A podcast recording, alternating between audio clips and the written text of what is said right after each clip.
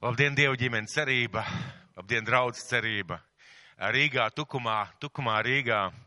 Visās vietās, kurā vietā gan jūs mūs skatāties, gan Purciemā, Imantā, Ziepniekalnā, Vecmilgrāvī, Tumēs, Lampē, pie Tukuma, Tukumā, šeit Rīgā, jebkurā vietā esiet sveicināti. Milzīgs prieks būt šodien kopā ar jums, un paldies, esam pievieno, pievienojušies mums šajā tiešraidē. Un prieks, ka jūs ieaicinājāt mūs savos namos. Tad būtu prieks būt kopā ar jums. Un pieņemiet arī sveicienus, kā Pāvils rakstīja savā vienā no savām vēstulēm. Viņš rakstīja, ka sirdī, sirdī es ilgojos skatīt jūs vaigā, bet uz laiku mēs esam šķirti, bet garā mēs esam vienot. Un es domāju, ka tā mums arī šo laiku un uz šo situāciju vajadzētu skatīties. Vispirms atļaujiet man jūs apsveikt mūsu valsts svētkos, kas būs rīt. Un mēs rītā svinēsim Latvijas uh, valsts neatkarības deklarācijas pasludināšanas dienu, kad uh, tika pasludināta šī deklarācija un uh, tika atjaunot Latvijas valsts pēc daudziem gadu desmitiem, un tie būs brīnišķīgi svētki. Un apstākļu darbu grāmatā 17. nodaļā ir tādi vārdi. Viņš licis visām tautām celties no vienām asinīm un dzīvot pa visu zemes virsmu un nospraudz noteiktus laikus, robežas, kur tiem dzīvot. Lai tie meklētu Dievu, vai tie viņu varētu nojaust un atrast, jeb viņš nav tālu nevienam no mums. Jo viņā mēs dzīvojam un rosamies un esam.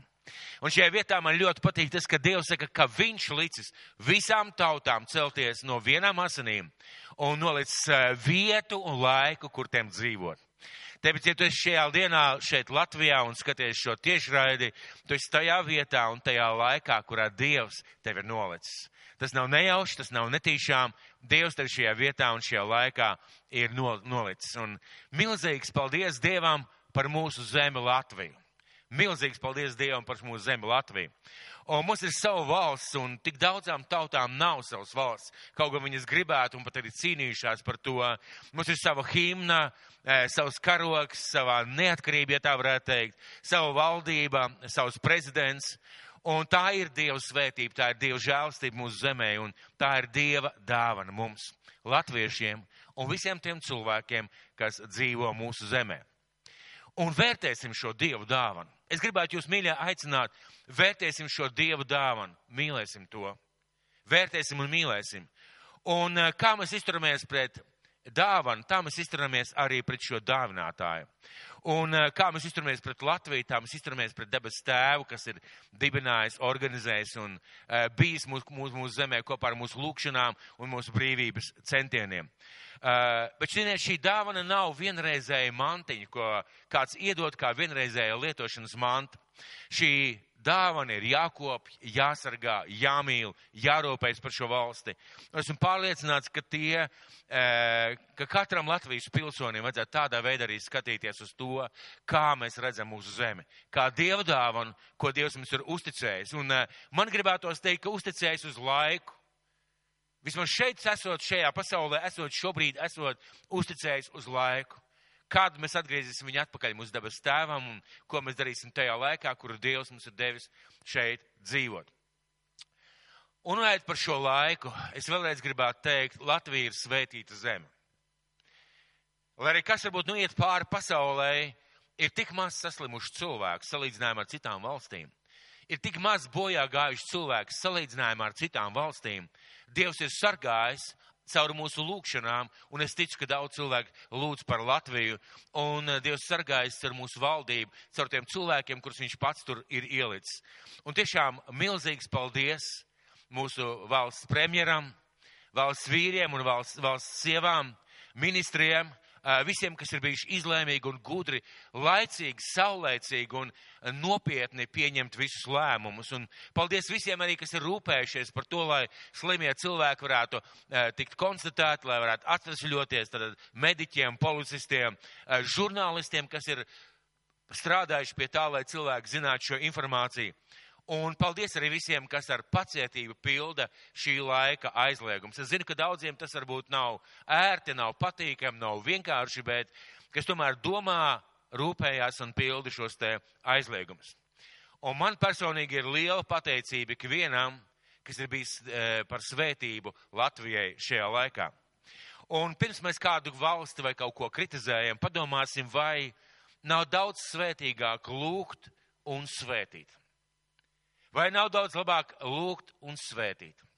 Un es, mīļie draugi, gribētu jūs aicināt šobrīd uz lūgšanu par mūsu zemi, uz lūgšanu par mūsu valsti Latviju. Jo rītā mums ir svētki. Es pats esmu bijis tajā laikā, kad tika pasludināta šī te, uh, atjaunošana, jeb uh, šī te uh, proklamēta neatkarīga valsts. Es pats tajā laikā stāvēju ļoti netālu no, saima, no, no tā laika saimas namā.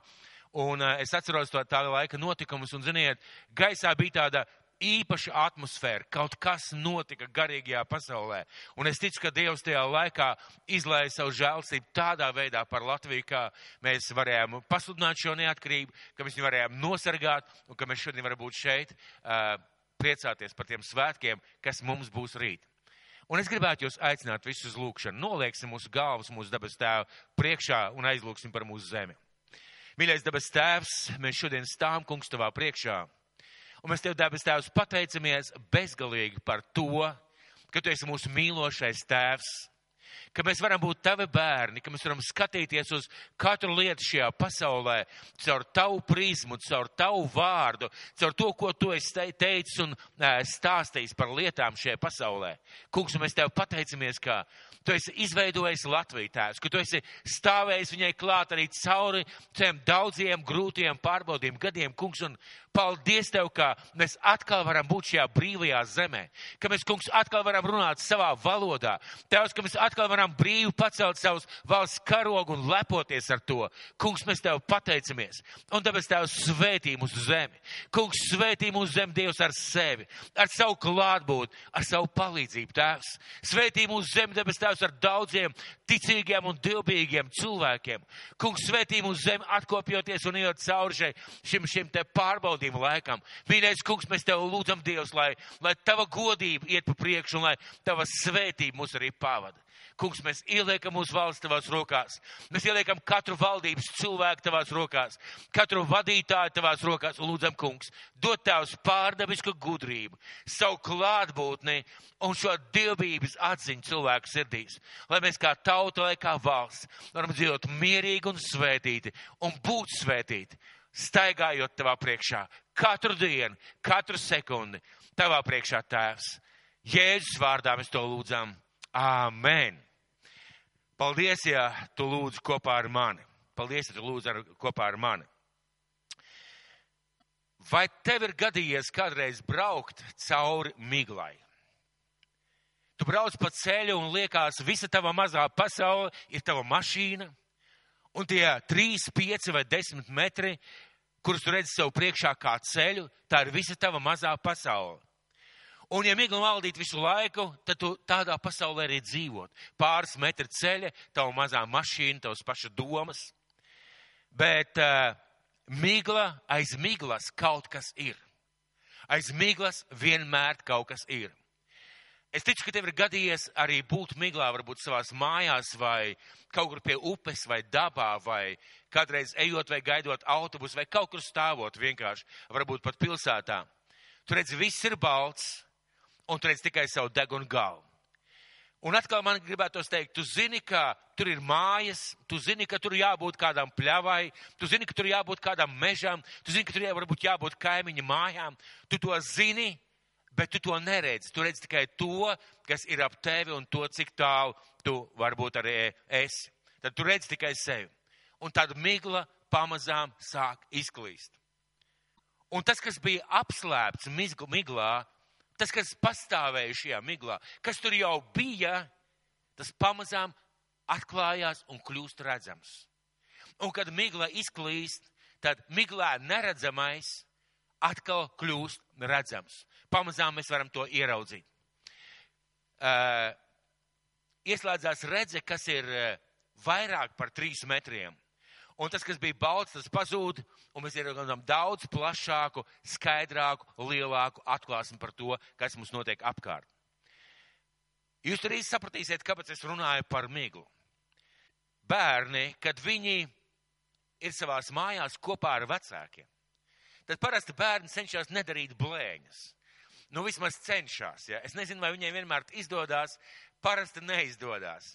Es ceļš maziem bērniem, viņi vienmēr kaut ko sastrādā, kaut ko sajauc, kaut ko izjauc, kaut kur ielien, kaut ko apgāž, un vecākiem jābūt ļoti uzmanīgiem un jāsako līdzi, kas notiek ar bērniem.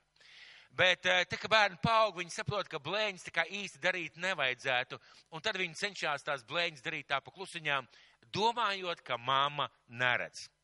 Tajā pašā laikā, tad, kad vecāki ir mājās bērniem, ne tikai ir problēmas darīt blēņas, bet ziniet, viņiem ir daudz lielāka drošība, daudz lielāks prieks, daudz vairāk šīs komunikācijas ar vecākiem. Un, ja nu gadījumā kas notiek, viņi vienmēr zina, kur aiziet, jo mamma vai tēvs ir tepat blakus, mamma teica vai redz. Un, ja, piemēram, bērns rāpjās uz, uz skapja vai, vai skapim, pa, skapim pa plauktiem, un tūlīt, tūlīt tas skapis var apgāzties, tad tētis vai mamma īstajā mirklī pieskries, un bērniem ir tā drošība to darīt. Sevišķi uzmanīgi pret māmas klātbūtni vai tēva klātbūtni ir mazie bērni kad uh, viņi kaut ko dara, kad viņi spēlējās, liekas, bieži viņiem nemaz nevajag to māmu. Māma turpat sēž, un viņš spēlējas, nodabā kaut ko dara, bet līdz ko viņš kaut kādu, ar kaut kādu sajūtu, trešo maņu, sajūtu, ka māmas vai tēta nav, viņš skrien uzreiz meklēt. Kāpēc es par to runāju? Kāpēc es par to runāju? Kā mēs redzam un sajūtam, ka mēs staigājam Dievu priekšā 24 stundas diennaktī. Kā mēs to redzam un kā mēs sajūtam, ka mēs nepārtraukti esam mūsu debes tēva priekšā. Un, ziniet, Jēzus aizejot teica, es esmu ar jums līdz pašam pasaules galam. Kā mēs to uztveram, kā mēs to izjūtam, kā mēs to praktizējam. Un šodien dalīšos ar vārdu mēs Dievu priekšā tagad un tad. Un svētrunas laikā, jeb sprediķu laikā, jeb vārdu laikā, jūs pamazām sapratīsiet, kāpēc šie vārdi mēs Dievu priekšā tagad un tad. Mēs zinām, ka mūsu debes tēvs ir visur esošs, Dievs ir visur. Mēs zinām, ka mūsu debes tēvs ir visu zinošs un visu redzošs. Dievs visu redz un visu zina. Sakiet, vai tie ir tikai vārdi, kurus mēs lietojam, sūtot varbūt viens otram kādu īziņu, vai tā ir atklāsme, kurā mēs dzīvojam. Jo, ja tie ir tikai vārdi, tie manī maz ko maina. Ja tā ir atklāsme, tas maina ārkārtīgi daudz. Un ko nozīmē šie vārdi? Es būšu ar jums. Kā tas ir, vai Dievs būs kaut kā pa gabalu? Ziniet, kā es esmu kopā ar tevi, un es pats esmu kaut kur trešajā vai septītajā istabā vai stāvā. Vai tie vārdi tādi, es būšu kopā ar jums, ar tevi, arī kopā ar jums, un Dievs, ziniet, mēs it kā ārā spēlējamies vai kaut ko daram, un Dievs tā ik pa mirklēm, Kristus tā pa mirklēm pavar aizkarus, paskatās, ā, tu tur esi, un aiztaisiet logu un atkal aiztais aizkarus. Vai tāds tas forma, kā Dievs ir kopā ar mums, kā jūs domājat? Kā jūs domājat? Vai mēs to saprotam, parāda tas, kā mēs dzīvojam, kā jūtamies kā kristieši? Un ja mums ir šī atklāsme, tad mēs daudz ko nedarām un daudz ko daram. Ja mums ir šī atklāsme, ka Dievs ir kopā ar mums šīs 24 stundas un ka mēs esam Viņa priekšā, ka Viņš mūs redz, ka Viņš eh, skatās uz mums, tas daudz ko maina no tā, ko mēs darām un ko mēs nedarām. Mēs citādāk jūtam, citādāk spriežam, un eh, mums ir daudz atšķirīgākas izvēles, kuras mēs izdarām savā dzīvēm. Un šeit gribētu runāt par to, ka mēs esam visu varanā mīlošā tēvu priekšā katru dienu. Un svarīgi šajā vietā es gribētu atzīmēt viens pret vienu. Mēs pat varam būt lielā cilvēku pūlī, bet patiesībā mēs esam viens pret vienu ar mūsu debes tēvu. Un viņš no debesīm mūs redz. Un tas būs un ir visu mūsu mūžu. Un, ziniet, šī atklāsme spēja mūs mainīt. Kā jūs domājat, kas notiek debesīs? Un kādā veidā Dievs uz mums skatās. Kas notiek debesīs un kādā veidā Dievs šīs 24 stundas diennaktī cauri mūsu mūžu uz mums skatās. Kas mums to spēja pateikt, kas mums spēja atklāt? Bībele. Bībele ir svētie raksti un cilvēku liecības Bībelē. Cilvēku liecības Bībelē tās liecības, kuras mēs varam lasīt uh, mūsu Bībelēs. Un es gribētu jūs aicināt uz Iesaijas grāmatas sesto nodaļu, pirmais līdz devītais pants, un Mēs esam diezgan daudz par šīm lietām dzirdējuši, runājuši, domājuši, bet es šodien gribētu runāt nedaudz no savādāka skatu punkta uh, tieši par to, kāpēc, kādēļ, kādā veidā un ko Jēzē redzēja un kā tas attiecas uz mums šodien. Un šie Jēzus grāmatas notikumi, Jēzus atklāsme, Jēzus satikšanās ar Dievu notika apmēram 740 gadus pirms uh, Kristus piedzimšanas, tā saka vēsturnieki. Tagad ir pagājuši vēl 2000 uh, gada, 20 gadi, 2020 gadi. Tas nozīmē apmēram 2760 gadus atpakaļ. Un, uh, kad Jēzus redz Dievu, kad Jēzus redz Dievu, kad viņš ierauga Dievu, uh, viņš jau ir kalpotājs. Viņš jau, ja tā varētu teikt, ir pravietis. Viņš jau ir Dieva aicinājumā. Un tad jautājums, kāpēc un kādēļ un kādā veidā Jēzai ieraug Dievu. Un uh, paņēmuši savus bībeles, dosimies uz Jēzus uh, grāmatas sestās nodaļas pirmo pantu.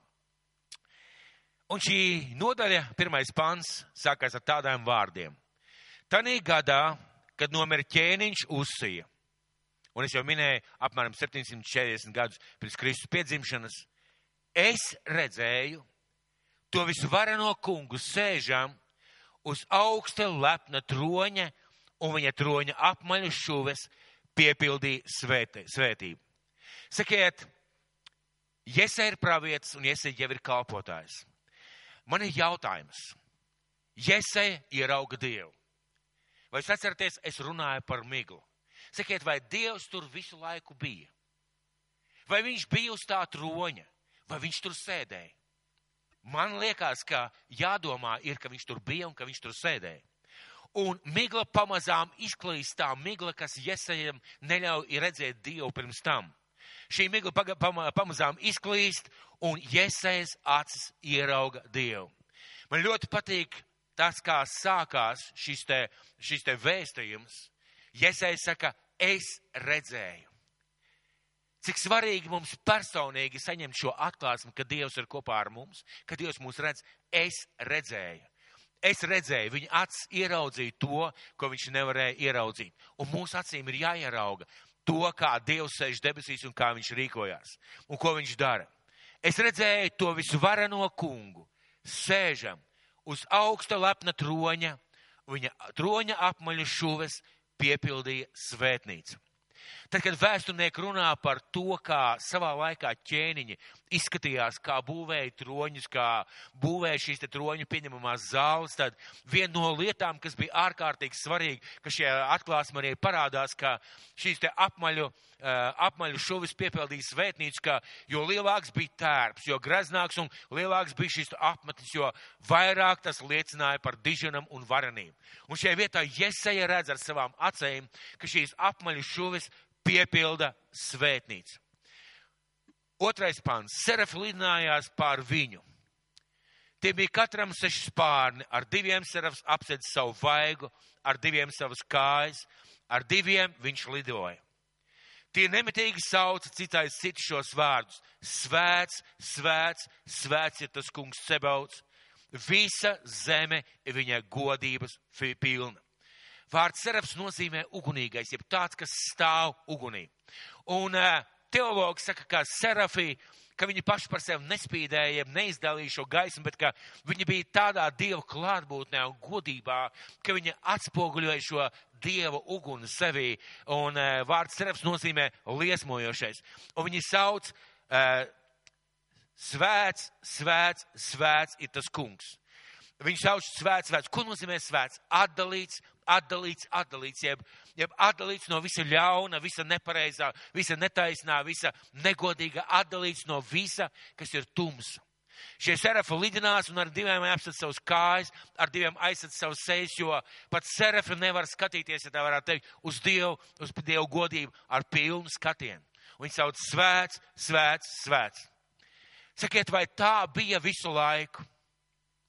Jēzus redz šo troni, redz šo godību, un ceturtais pants - sliekšņi pamata trīcēja no sauciena skaņām, un nams pildījās ar dūmiem.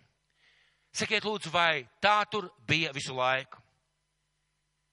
Un šajā mirklī es gribētu vēlreiz atgriezties pie tā, ka Iesais acis pamazām ierauga, kā šī garīgā migla izklīst. Un viņš ierauga ainu, kas ir realitāte, kas ir patiesība debesīs, kas ir patiesība pār zemi un patiesība pār cilvēkiem. Viņš ierauga šo te atklāsmi. Vai tā bija visu laiku? Ziniet, ir tāda lieta, ko sauc par teātru. Daudz teātru Latvijā, dailes, drāmas un dažādi un operateātris. Kā ir ar teātru? Teātrī jūs aiziet apsēžaties zālē, jūs sagaidat kādu izrādi, un tad ir priekškars, priekškars atverās, un uh, jūs ieraugat kādu, uh, kādas butaforijas, kādu izbūvētu telpu vai ķēniņa pili vai vēl kaut kādas lietas, vai arī varbūt tur uzreiz ir aktieri vai atnāk aktieri. Un liekas, tiek uzbūrsta skaita, skaista aina, dzīve vai, vai izrāde vai, vai kaut kāds, teiksim, notikumi tiek skaidrot. Bet, ziniet, svarīgi ir ieraudzīt, ka teātrī cilvēki uzbūvē tikai uz to laiku šīs te butaforijas. Uztaisa pilsētas, uztaisa cietokšņus, uztaisa troņus vai kādus uh, kokus vai, nezinu, kādu mežu džungļus, vienalga, kas tas var nebūt. Uztaisa tikai uz to laiku. Jūs, piemēram, varat aizbraukt uz uh, pilsētiņu Sinevila, tepat netālu pie, pie tukumā. Sinevila daudz varbūt ir bijuši. Kad mēs skatāmies uh, filmā, dažādās filmās, kas ir par, par strelnieku laiku, par citām lietām filmēts. Mēs ieraugam reāls mājas, ieraugam e, grāvjus, dzelzceļa tiltus un ļoti interesanti paskatīties, kā tas viss izskatās. Bet, ziniet, tā ir tikai butaforija, kas ir uzbūvēta uz to laiku. Un arī aktieri uz teātru uznāk tikai uz to laiku, tikai uz to laiku, kad ir šī izrāda. Priekškars aizvarās, un ja pēc pāris stundām jūs apsēstos tajā pašā vietā, tajā pašā vietā, tajā pašā zālē, un jūs palūgt atvērt aizkarus, ļoti iespējams tur nekā no tā vairs nebūtu. Debesīs nav teātra. Mīļie, debesīs nav teātra. Tur nesalieka uz laiku Dieva troni, Dievs tur uz laiku nenosēdās. Tur tā bija tad un arī tagad. Cik svarīgi to mums ieraudzīt. Un Jesai ir Dieva priekšā. Un Dievs skatās uz Jesai. Un uh, Lasot tālāk, mēs varam ieraudzīt, ka piektais pāns, tad es izsaucos bēdas man, jo esmu nāvē lemts. Esmu cilvēks ar nešķīstām lūpām un dzīvoju tautas vidū, kam nešķīstas lūpas, un tagad, nu, es redzēju ar savām acīm ķēniņu to kungu cebautu. Iesai saka, es redzēju ar savām acīm to kungu cebautu. Un šeit ir viena lieta, ka mums visiem būtu jāierauga. Dievs skatās uz Jēzeju, Jēzai skatās uz Dievu, un Jēzēm nav iespējams kaut kur noslēpties. Mēs nezinām, kādā telpā viņš bija, kur viņš bija. Mēs nezinām, kādā vietā viņš bija, bet Jēzējam nav iespējams noslēpties, viņam nav iespējams ar kaut kā aizslēpties, un svarīgi ieraudzīt, viņš ir viens pats. Viņš ir viens pats. Vai Dievs arī pirms tam tur bija, vai tur notika tas pats? Ne vienkārši migla izklīd. Un Jesaja izrādās viens pats Dievu priekšā. Vai Dievs tevi redz? Vai Dievs mani redz? Vai debesīs kaut kas ir mainījies? Ja mēs, ja mums būtu tāda iespēja lūgt un lai šī garīgā migla aiziet, ļoti iespējams mums ieraudzītu līdzīgu ainu, kā redzēja Jesai. Vai Dievs tevi redz? Es domāju, ka redz. Bet kā mēs to varētu nedaudz padomāt, vizualizēt? Atcerieties, Kristaps jums lūdzu paņemt spogulīti. Jautājums, kā Dievs mani redz? Paņem spogulīti un paskaties. Dievs tevi tā arī redz. Paņem spogulīti, paskaties uz sevi, un Dievs tevi tā arī redz. Tā kā tu pats sevi redzi. Ar to izskatu, ar tām īpašībām, ar to matu krāsu, Dievs tevi tā arī redz. Un mēs skatoties uz to, mēs varam ieraudzīt, ka mēs nevaram noslēpties Dievu priekšā. Dievs mūs redz tādu, kā mēs esam. Starpība tikai tā, ka mēs redzam tikai ārējo. Dievs redz mūsu iekšieni līdz pašiem sirds dziļumiem. Un nav tādu bruņu, nav tāda cietokšņa, nav tādas kastes, kurā mēs varētu ielīst, noslēpties, lai Dievs mūs neredzētu. Un iesaja uz šīs te dieva godības atspūka, uz šī svētuma fona ierauga sevi. Ļoti interesanti ieraudzīt, ka neatskan balss no troņa, bēdas tev, jo tas cilvēks ar nešķīstām lūpām. Neatskan balss no troņa, bēdas tev, jo tu dzīvo tautas vidū, kam ir nešķīstas lūpas. Neatskan šie vārdi.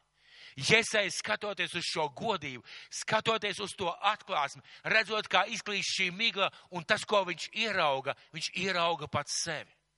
Un redziet, kad mēs domājam par to, ka Dievs mūs redz 24 stundas diennaktī, tas liek mums skatīties un domāt par sevi, kādi mēs esam. Un, uh, ja es aizsaku vārdus, tad es izsaucos bēdas man, jo esmu nāvē lemts esmu cilvēks ar nešķīstām lūpām un dzīvoju tautas vidū, kam nešķīstas lūpas. Un tagad, nu es redzēju savām acīm ķēniņu, to kungu Sebauta. Viņš ieraudzīja ne tikai ķēni, viņš ieraudzīja šo debesu atmosfēru. Ieraudzīja, kāds ir Dievs, un viņš ierauga sevi.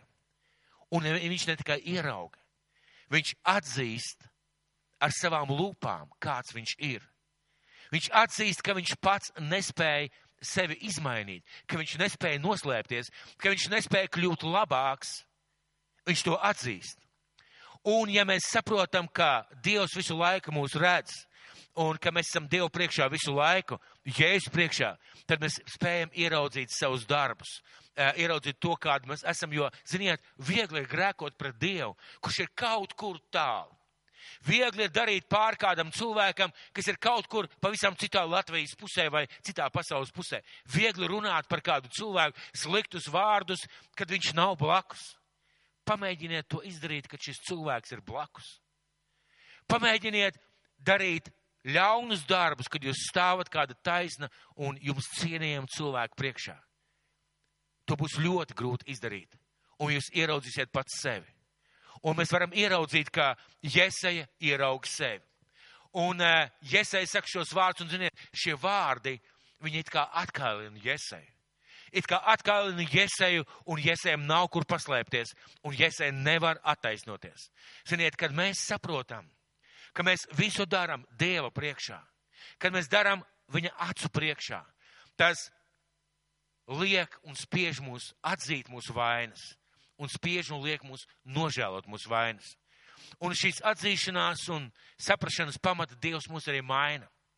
Es domājot par šo ainu, es iedomājos, Iesai ierauga Dievu. Viņš ierauga šo godību. Mēs nezinām, cik tas ilgi, ilgi, valkās.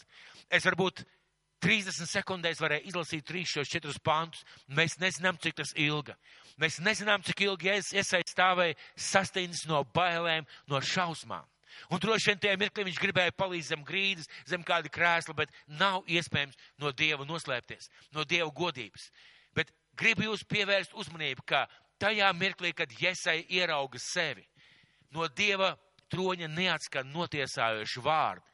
No Dieva troņa neatskan uh, tiesas spriedums. Ir vienkārši Dieva svētums. Un Iesai ierauga sevi. Un viņš atzīst, kāds viņš ir. Un šī atzīšanās un saprašana uz tā pamatā Dievs mūs spēja arī mainīt, šķīstīt un attīrīt. Un sastais un septītais pants. Tad pildoja man viens serafs. Viņam bija rokā kvēlojoša ogli, ko viņš ar lūkšām bija paņēmis no altāra. Tur bija altārs, un eh, pielipo kāds serafs ar lūkšām, viņš paņēma šo ogli no altāra. Un ar to viņš aizskāra manu muti un teica, redzi, tai aizskarot tavas lūpas, tavs noziegums ir daudēts un tavi grēki tev ir piedoti. Tavs noziegums ir daudēts, tavi grēki tev ir piedoti. Kas ir šī ogla? Kas ir šī ogla, kas spēj mainīt mūs? Tas ir Jēzus Kristus nopelns. Tas ir Jēzus Kristus no Dieva altāra. Tas ir Jēzus izlietās asinis, kas atver mums debesis tādā veidā ieraudzīt. Tas ir Kristus asinis, kas mūs nomazgā no katra grēka. Ja mēs atzīstamies, ja mēs nožēlojam, nomazgā no mūs no katra grēka. Un tajā dienā, kad mēs esam teikuši Dievu, Dievs, tu man esi vajadzīgs. Es pieņemu tevi par savu kungu un savu glābēju. Piedod man manus grēkus. Tajā mirklī, tajā sekundes simtaļā, Dievs paņēma šo ogli un pieskārās mūsu lūpām. Un mēs kļuvām spējīgi nožēlot, mēs kļuvām tīri, kā šie vietā teikts. Redz, tai aizkarot tavas lūpas, tavs noziegums ir deldēts, un tavi grēki tev ir piedoti. Vēlreiz gribētu atgriezties pie jautājuma, kā mēs šajā vietā redzam.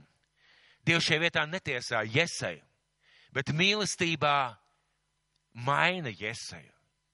Vēlēdamies mainīt Jesaju. Dievs liek šim serafam paņemt šo ogli, pieskarties pie lūpām, un Jesajas noziegums ir daudēts. Un, ziniet, es domāju, ka tas bija mirklis, kad Jesēm nokrita noteikti kalns no pleciem. Kalns no viņa pleciem, un eh, kaut kas viņā noteikti iekšā mainījās. Astotais pants. Un es dzirdēju tavas varenā kunga balsi sakām, ko lai es sūtu, kas būs mūsu vēstnesis. Pēc tam, kad Jēzus ir attīrīts, kad viņam grēki piedoti, vai tas tā vienkārši arī paliek? Ja es tev grēki ir piedot, tu esi attīrīts, tad tas tā vienkārši paliek. Viss nepaliek tāpat. Ja es ir kļuvis spējīgs dzirdēt Dieva balsi. Iesai turpina stāvēt turpat Dieva priekšā, tikai nu jau pēc šīs attīrīšanas Iesaja ir spējīgs dzirdēt Dieva balsi.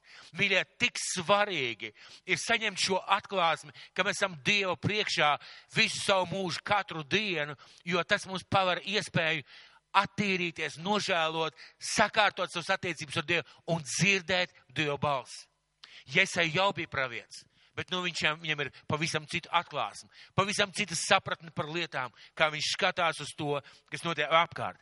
Un Jesaja dzird jautājumu, cik, konkrē, cik konkrēti un cik labi un brīnišķīgi ir dzirdēt jautājumus no Dieva. Un Jesaja dzird jautājumu, ko lai es sūtu, kas būs mūsu vēstnesis.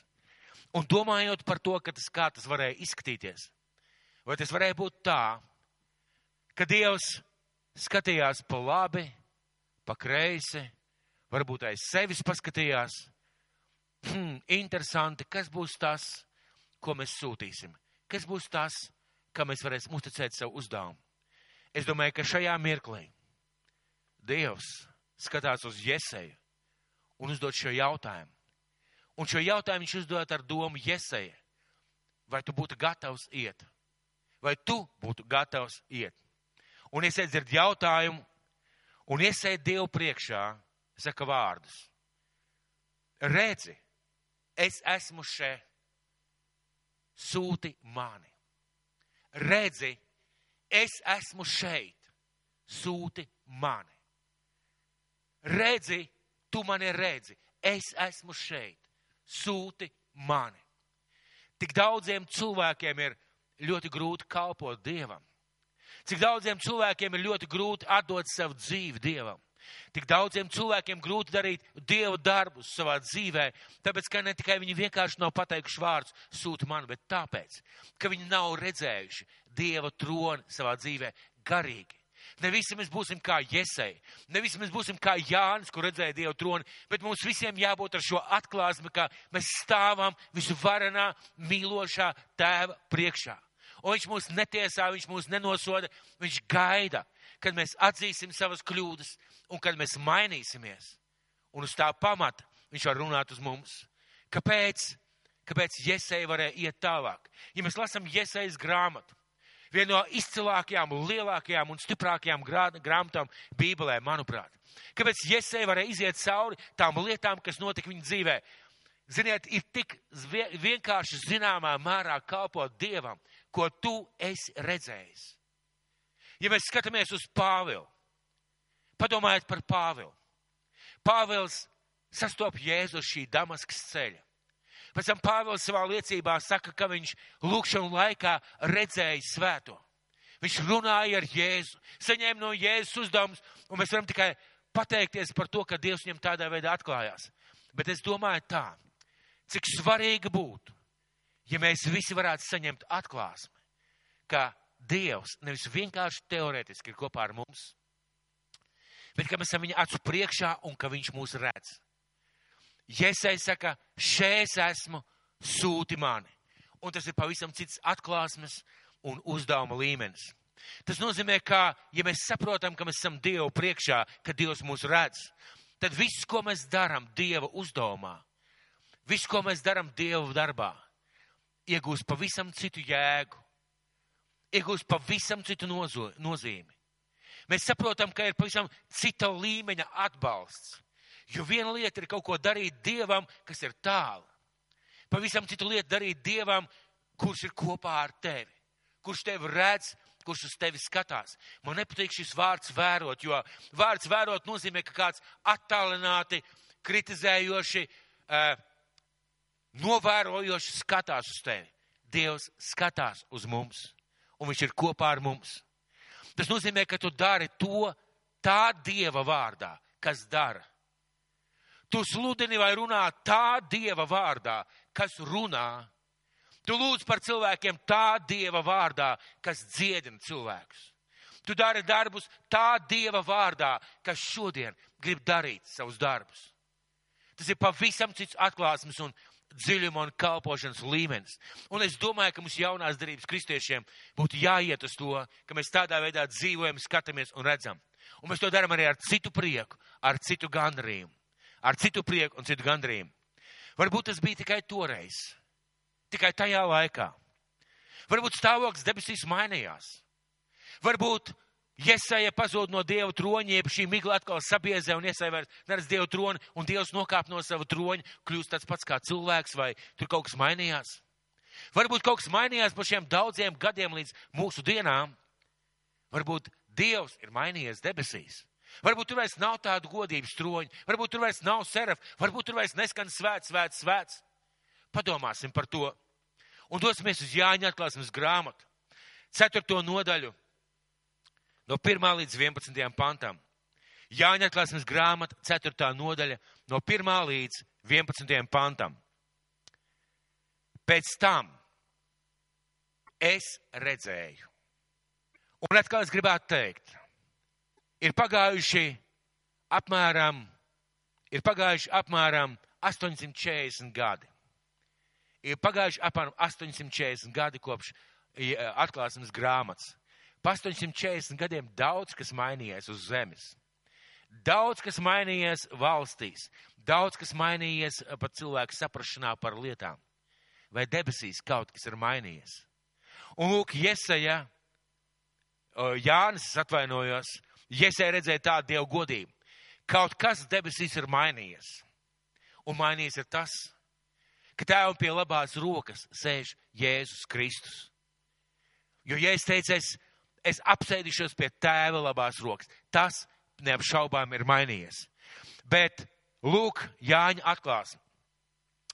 Pēc tam es redzēju raugi, durvis atvērtas debesīs, un pirmā balss, ko es dzirdēju kā bazūni ar mani runājam, sacīja, uzkāp šurp un es rādīšu tev, kam jānotiek turpmāk.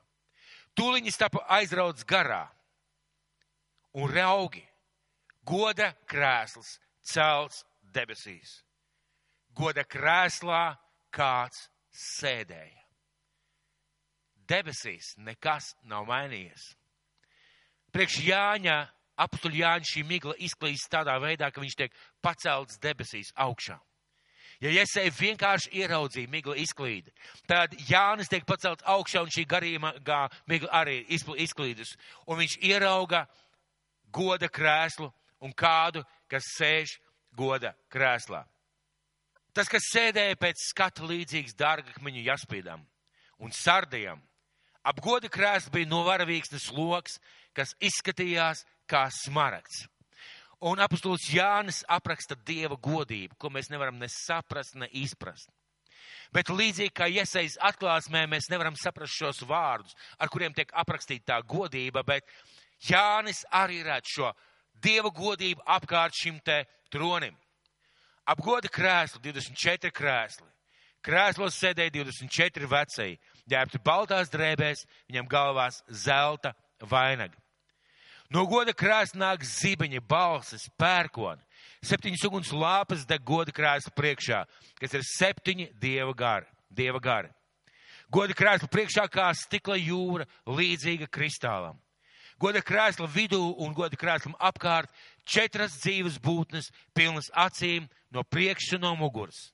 Pirmā līdzīga lauvam, otra līdzīga vērsim. trešai kā cilvēka ģīmes un ceturtā līdzīgs krejošam ērglim. Un četrās dzīvās būtnes, būtnes, kam katrai pa seši spārni, kas pilni acīm visu apkārt un iekšpusē, bez mitēšanās dienu un nakti sauc. Svēts, svēts, svēts kungs Dievs. Visu valdītājs, kas bija, kas ir un kas nāks. Un atkal mēs ieraugam šo Dievu varenību, šo Dievu valdīšanu, šo Dievu godību. Un atkal svan šie, šie paši vārdi - svēts, svēts, svēts, jeb atdalīts. Svēts, svēts, svēts, jeb atdalīts no visu ļaunā, netīrā, nepatiesā un eh, netaisnā. Atdalīts. Sakiet, vai atkal uz Jāņa atnākšanu tur viss tika sakārtots? Starp Jēzu un Jāni nekas nenotika, vienkārši debesīs bija kaut kādas brīvdienas, un pēkšņi parādās Jānis, un atkal viss ir sakārtots. Noteikti tā nav. Un Jānis ieraug to debesu valstības, jeb debesu godības realitāti, kas arī šodien valda šajās debesīs. Tā tur tas ir arī tagad. Un eh, tālāk lasīsim, kad dzīvās būtnes dod slavu, godu un pateicību tam, ko redz godā, eh, goda krēslā un kas dzīvo mūžu mūžam Tad 24 vecēji metas zemē, tā priekšā, kas sēd godu krēslā, un pielūdz to, kas dzīvo mūžu mūžos, un noliek savus vainagus goda krēsla priekšā. Tu, kungs, mūsu dievs, tu esi cienīgs saņemt slavu, godu un varu, jo tu esi radījis visas lietas ar tavu gribu, visas lietas bija un ir radītas.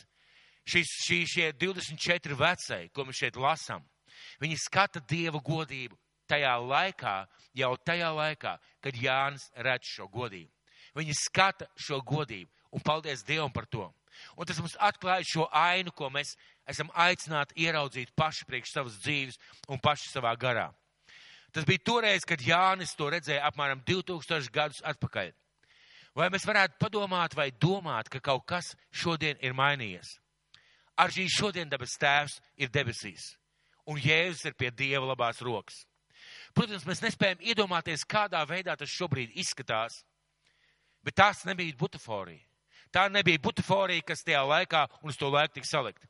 Un viņa priekšā mēs visi cilvēki esam. Bet nekā, bet, bet Dievs neskatās uz mums kā uz prokurors. Ziniet, kā prokurors skatās uz cilvēkiem, lai notiesātu, lai iznesu spriedumu, meklē vainu nekā tiesnesis, kas uzsit ar āmurītu uz galda un saka, viss tie spriedums izlemts, bet kā mīlošs tēvs. Dievs šodien uz mums skatās kā mīlošs tēvs, kas tevi personīgi redz. Tu esi viņa priekšā, kas grib tevi iztīrīt, tevi izmainīt, kas vēlās pieskarties tavai dzīvei, kas grib tevi svētīt un tevi sagatavot tam aicinājumam, tavu dāvanai, ko Dievs tev ir devis kas grib tevi sagatavot mūžībai, un mēs esam Dievu priekšā tagad. Mēs tagad esam Dievu priekšā. Un es gribētu tev vēlreiz aicināt uz šo te vingrinājumu. Paņem spogulīt. Paņem atkal spogulīt. Ja tev joprojām ir jautājums, kā Dievs tev redz, paskaties šajā spogulī. Tu vari ieraudzīt sevi. Un Dievs tev tieši tāpat šajā mirklī redz uzmanīgi mirklīt paskaties savā spog, šajā spogulītī. Tikai zini, tajā dieva skatījumā tev nāk līdzi tevi darbi, tevi vārdi, tevi motīvi, tavas domas. Un Dievs neskatās uz tevi notiesājoši un bārju un dusmīgi. Dievs skatās ar vēlēšanos, lai tu ieraugi viņa svētumu. Dievs skatās uz tevi, lai tu lai ar vēlēšanos, lai tu ieraugi viņa godību, lai tu ieraugi viņa varenību un viņa mīlestību pār sevi lai tu ieraugi viņu varenību un mīlestību par sevi. Dievs tevi tādu redz, kā tu redzi sevi, sevi šobrīd. Un, zini, tu nevari noslēpties, tu nevari paslēpties, tu esi tāds. Un vēl kas ir svarīgi, vēl kas ir svarīgi, Dievs tevi redz vienu. Jā, mēs esam draudz, mēs esam Dieva ģimene. Jā, mums ir brāļi un māsas, mums ir mācītājs, mums ir bīskaps, mums ir apvienība. Bet, zini, Dievs redz tevi vienu. Kad viņš skatās uz tevi, viņš neskatās lielā konkrētajā kompleksā, kad viņš skatās uz tevi personīgi. Viņš skatās uz tevi. Un tikai Dievs zina tavu sirdi, un tikai Dievs vienīgais patiešām vēlās tevi mainīt, tevi svētīt un izmainīt. un viņš tev redz. Kaut tu šodien ieraudzītu un saprastu šo garīgo, garīgo realitāti. Kaut tu ieraudzītu kaut tavā garā, tā migla, kas pārklāja varbūt tavu prātu vai tavu domāšanu izklīst, lai tu Dievu tādā veidā varētu ieraudzīt. Bet turpinājumā es gribētu runāt par tad.